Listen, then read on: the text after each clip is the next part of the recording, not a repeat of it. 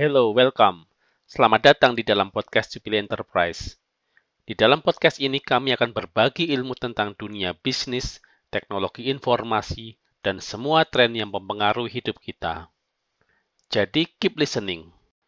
Kita akan menceritakan kisah hidup Mark Zuckerberg yang kita kenal sebagai pencipta Facebook. Sejak diluncurkan pada tanggal 4 Februari 2004, Facebook mampu menjaring banyak anggota dalam waktu yang singkat. Beragamnya aplikasi yang ditawarkan oleh jaringan sosial ini mendorong semakin banyaknya peselancar dunia maya yang berminat untuk bergabung menjadi anggota Facebook. Seiring berjalannya waktu, semakin banyak komunitas di dalam Facebook. Hal ini mengindikasikan bahwa jaringan sosial ini juga mendulang sukses, seperti halnya Friendster yang terkenal beberapa tahun sebelumnya. Keberhasilan Facebook sebagai jaringan sosial tidak lepas dari kerja keras seorang pemuda bernama Mark Zuckerberg. Siapa sebenarnya Mark Zuckerberg ini? Kita akan mengupas perjalanan hidupnya. Orang ini lahir pada tanggal 14 Mei 1984 dengan nama lengkap Mark Elliot Zuckerberg. Pria berkebangsaan Amerika ini kini tinggal di kota Dobbs Ferry, New York, Amerika Serikat. Ditinjau dari latar belakang pendidikannya, Mark menempuh pendidikan pada bidang computer science di Harvard University. Setelah menyelesaikan kuliahnya, kini Zuckerberg menjadi seorang komputer programmer dan pengusaha muda yang sukses. Kesuksesan yang diraih Zuckerberg dilatar belakangi oleh keberhasilannya menciptakan situs jaringan sosial bernama Facebook. Saat ini, Mark Zuckerberg tercatat sebagai salah satu orang terkaya di Amerika dan bahkan dunia. Sebenarnya, Mark telah memulai proyek Facebook sejak masih duduk di bangku kuliah. Bersama dengan teman kuliahnya Andrew McCallum dan teman sekamarnya yang bernama Dustin Moskovitz. Dan kemudian ia pun dibantu oleh seorang lain bernama Chris Hughes. Lalu Zuckerberg mulai merancang dan mengembangkan situs jaringan sosial Facebook. Ide pembuatan situs Facebook ini sebenarnya berasal dari Philips Exeter Academy, yang merupakan sekolah menengah atas yang ditempati oleh Mark. Sekolah tersebut menerbitkan buku alumni dengan nama The Exeter Facebook untuk dibagikan kepada lulusannya setiap tahun dengan maksud agar setiap siswa dapat tetap berhubungan dan mengingat teman kelasnya. Buku alumni tersebut kemudian dikembangkan diaplikasikan oleh Mark Dunia Maya. Sebelum merintis Facebook, Mark mengembangkan sistem rekomendasi musik yang disebut dengan nama Synapse, yang kemudian dikenal dengan nama Wirehawk. Namun, proyek tersebut ditinggalkan untuk melakukan proyek yang baru. Selama menjalani masa kuliah di Harvard, Mark menciptakan FaceMask, yaitu website yang membandingkan foto asrama mahasiswa dari setiap sisi. Namun, pihak kampus dalam hal ini Harvard merasa tidak senang dengan website tersebut, sehingga Mark, sang kreator website, harus menghadapi tindakan disipliner dari pihak kampus. Hukuman yang diterima tidak membuatnya jerah untuk berinovasi mengembangkan situs. Dalam waktu dari tiga bulan, Mark berhasil meluncurkan Facebook. Pada awalnya, peluncuran Facebook secara eksklusif diperuntukkan bagi mahasiswa Harvard. Kehadiran Facebook mendapat sambutan positif dari mahasiswa Harvard. Hal ini ditunjukkan dengan setengah dari jumlah mahasiswa di kampus tersebut melakukan sign up di Facebook. Bahkan kampus lain di wilayah Boston meminta jaringan Facebook pula. Besarnya minat mahasiswa untuk bergabung dalam komunitas Facebook membuat Mark kewalahan dalam mengelola situs jaringan sosial ini. Dia kemudian merekrut temannya bernama Dustin Moskovitz dan Chris Hughes untuk membantunya membangun Facebook. Hanya dalam waktu 4 bulan, Facebook telah menambah lebih dari 30 jaringan kampus. Dalam mengelola Facebook, Zuckerberg bertindak sebagai CEO dan bertanggung jawab terhadap pengaturan seluruh petunjuk dan strategi produk untuk Facebook. Selain itu, ia juga mengarahkan perancangan layanan Facebook dan pengembangannya pada teknologi inti dan infrastruktur. Setelah Facebook meraih sukses, Mark Moskowitz dan Hughes pindah ke Palo Alto, California, Amerika Serikat. Untuk lebih mengembangkan Facebook, Mark kemudian menemui dan meminta mantan co-founder Napster yang bernama Sean Parker untuk membantunya. Permintaan tersebut disambut oleh Sean Parker dengan senang hati. Bergabungnya Parker dalam pengelolaan Facebook menjadi babak baru dalam hal investasi.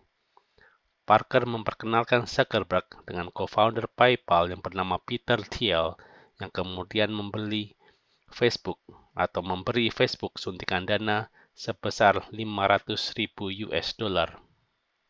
Di tengah-tengah kesuksesan Facebook yang terus menanjak, muncul kabar miring tentang Mark. Mark diduga telah mencuri kode sumber dari teman kuliahnya sewaktu di Harvard yang kemudian dijadikan sebagai kode sumber Facebook. Kabar tersebut berkembang dan menjadi kontroversi. Meskipun menjadi kontroversi, tapi Facebook terus melesat. Lebih dari satu juta pengguna baru yang mendaftar setiap minggunya, dan terus bertambah sampai hari ini kita tahu bahwa Facebook memiliki ratusan juta pengguna. Microsoft sebagai salah satu perusahaan software terbesar di Amerika turut terkesan dengan keberhasilan yang diraih Mark Zuckerberg melalui Facebooknya itu. Hal ini direalisasikan Microsoft dengan menanamkan modalnya pada Facebook sebesar 240 juta dolar pada bulan Oktober tahun 2007. Banyaknya investor yang masuk ke Facebook menjadikan perusahaan ini ditaksir bernilai 15 miliar US dollar, sehingga masuk dalam kategori 5 perusahaan internet yang paling berharga di Amerika Serikat dengan pendapatan per tahun sebesar 150 juta US dollar. Kesuksesan Facebook tidak menjadikan Mark Zuckerberg puas dan jalan di tempat. Mark tetap berusaha untuk terus mengembangkan Facebook sehingga anggota komunitasnya merasa puas dengan layanan dan fasilitas yang diberikan. Oleh sebab itulah, Mark Zuckerberg lebih mementingkan pertumbuhan atau perkembangan dibandingkan pendapatan. Atas keberhasilannya merintis dan membangun Facebook hingga menjadi situs jaringan sosial yang paling banyak digemari, Zuckerberg memperoleh penghargaan sebagai Best Startup CEO pada pergelaran Crunchy Award pada tahun 2007. Jumlah anggota Facebook yang semakin meningkat tajam mendapat sorotan dari Friendster yang kemudian mencoba untuk mengakuisisi Facebook dengan menawarkan harga 10 juta USD dollar pada pertengahan tahun 2004. Namun tawaran tersebut ditolak oleh Mark selaku CEO dari perusahaan ini dan justru mendapat kucuran dana yang lebih besar dari Axel Partners, yaitu senilai 12,7 juta US dollar. Keberhasilan Facebook menyedot pecinta dunia maya untuk menjadi anggota komunitasnya juga dilirik oleh Yahoo yang kemudian menawarkan harga 1 miliar US dollar untuk mengakuisisi Facebook pada tahun 2006. Tawaran dari Yahoo yang menggiurkan tersebut diterima oleh Zuckerberg, tetapi hanya secara lisan. Namun kemudian, Yahoo menurunkan harga yang ditawarkan menjadi 800 ribu US saja. Hal ini langsung ditolak oleh Mark. Selanjutnya, Yahoo kembali menawarkan harga 1 miliar. Dan kali ini tawaran tersebut tidak menggiurkan lagi bagi Mark Zuckerberg. Penolakan tersebut bukanlah untuk pertama kalinya dilakukan oleh Mark. Hal serupa juga dialami oleh Viacom yang menawarkan harga 750 juta US dollar untuk mengakuisisi Facebook pada bulan Maret 2006. Banyak perusahaan software dan media teknologi yang ingin mengakuisisi Facebook, namun ditolak. Hal ini memunculkan predikat yang kurang baik bagi Mark, yaitu sebagai bocah kemarin sore yang berubah menjadi seorang miliarder. Demikianlah sekilas perjalanan hidup Mark Zuckerberg yang dapat menginspirasi Anda untuk membangun bisnis yang sangat sukses di masa depan. WordPress sebagai blog hosting tentunya tidak muncul di dunia maya dengan sendirinya. Dialah seorang Matt Mullenweg, orang yang merintis dan mengembangkan WordPress, serta menyediakan secara gratis untuk para blogger mania. Bagaimana sosok seorang Matt Mullenweg dan perjalanannya membangun WordPress?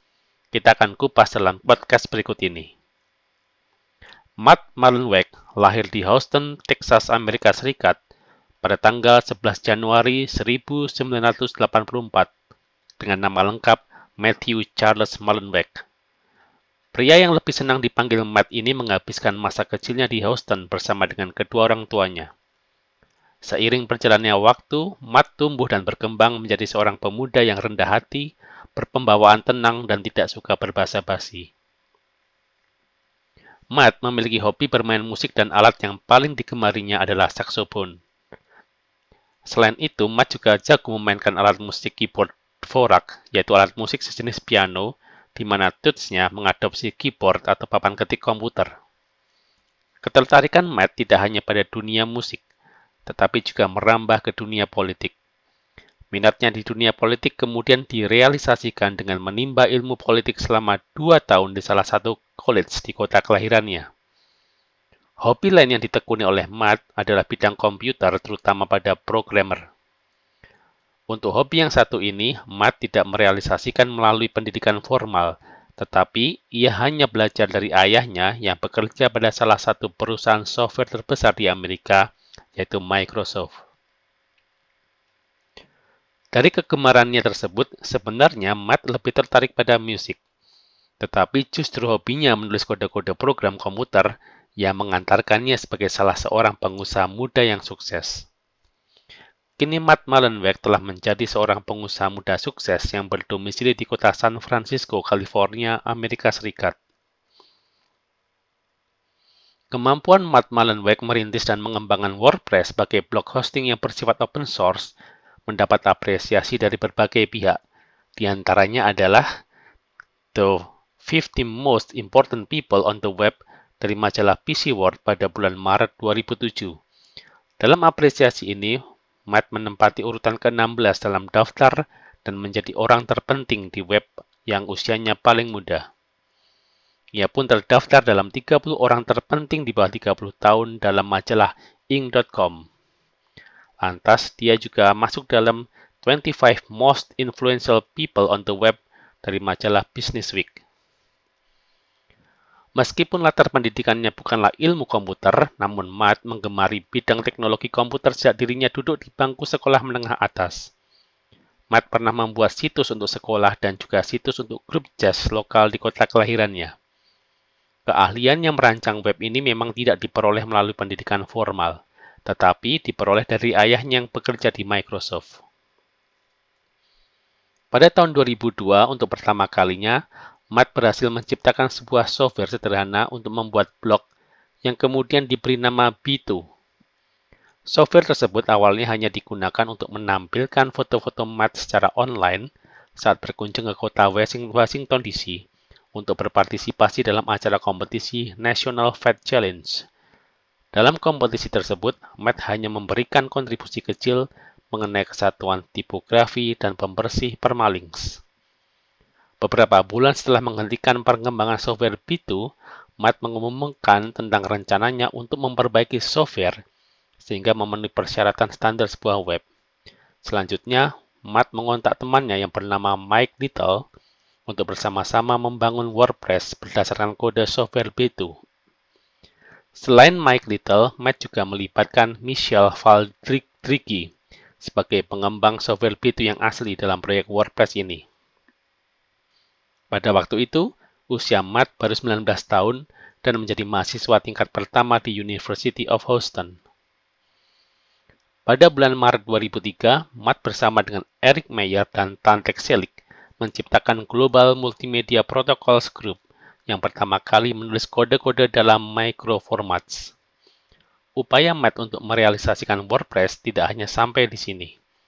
Bersama dengan Dougal Campbell selaku rekannya dalam pengembangan WordPress, Matt meluncurkan Ping-O-Matic yang merupakan pusat pemberitahuan mesin pencari yang khusus untuk mencari blog seperti Technorati.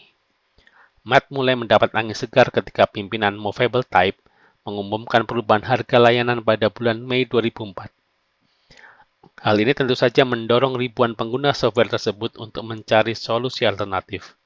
Di sinilah peluang bagi Matt untuk membangun dan mengembangkan WordPress.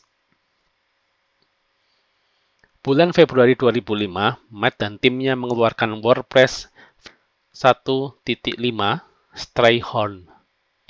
Peluncuran software ini memperkenalkan sistem tema, fitur moderasi, dan tampilan bagian depan dan belakang yang didesain ulang.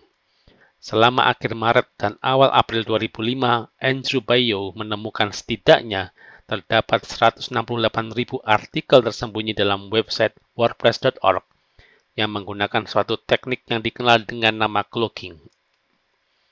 Berkenaan dengan hal itu, Matt mengakui bahwa dirinya menerima advertensi atau iklan yang meragukan dan menghapus seluruh artikel dari domain. WordPress mengalami perkembangan semakin pesat dari waktu ke waktu, sehingga membutuhkan perhatian yang lebih serius dan profesional dari seorang Matt. Oleh sebab itu, akhirnya Matt memutuskan untuk meninggalkan CNET pada bulan Oktober 2005 agar bisa fokus pada WordPress. Selang beberapa hari, tepatnya tanggal 25 Oktober 2005, WordPress mempublikasikan produk pendukung bernama Akismet yang berfungsi untuk menghentikan komentar dan mengembalikan spam menggunakan input kolektif dari seluruh pengguna layanan. Selanjutnya pada November 2005, Matt mulai membuka akses proyek WordPress.com. Upaya Matt untuk mengembangkan WordPress tidak hanya sampai di situ. Pada Desember 2005, ia mempublikasikan Automatic sebagai anak perusahaan WordPress.com. Perusahaan Automatic mempekerjakan orang-orang yang memberikan kontribusi pada proyek WordPress, termasuk pimpinan pengembang yaitu Ryan Boren dan kreator WordPress MU yang bernama dan KOKWIM. Untuk mempertahankan dan terus membangun WordPress, Matt kemudian merekrut mantan CEO Outpost dan eksekutif Yahoo yang bernama Tony Snyder untuk bergabung di Automatic sebagai CEO. Matt berharap di tangan Tony, Automatic bisa, semakin berkembang dan mampu menjadi perusahaan yang berskala besar. Harapan Mac menjadi kenyataan di mana Automatic mampu menjadi investor dengan modal secara keseluruhan berjumlah 1,1 juta US dollar. Investor dari Automatic di antaranya adalah Polaris Venture, True Ventures, Radar Partners, dan Sinet. Sebagaimana diketahui bahwa WordPress mengalami kemajuan yang pesat di mana setiap hari anggota komunitasnya semakin bertambah banyak dan berasal dari berbagai negara. Berkenaan dengan hal tersebut, WordPress menyelenggarakan konferensi WordCamp sebagai ajang berkumpulnya para pengguna, penyuka, dan pengembang WordPress. Itulah kisah sukses seorang Matt Mullenweg yang telah berhasil mendirikan WordPress hingga saat ini.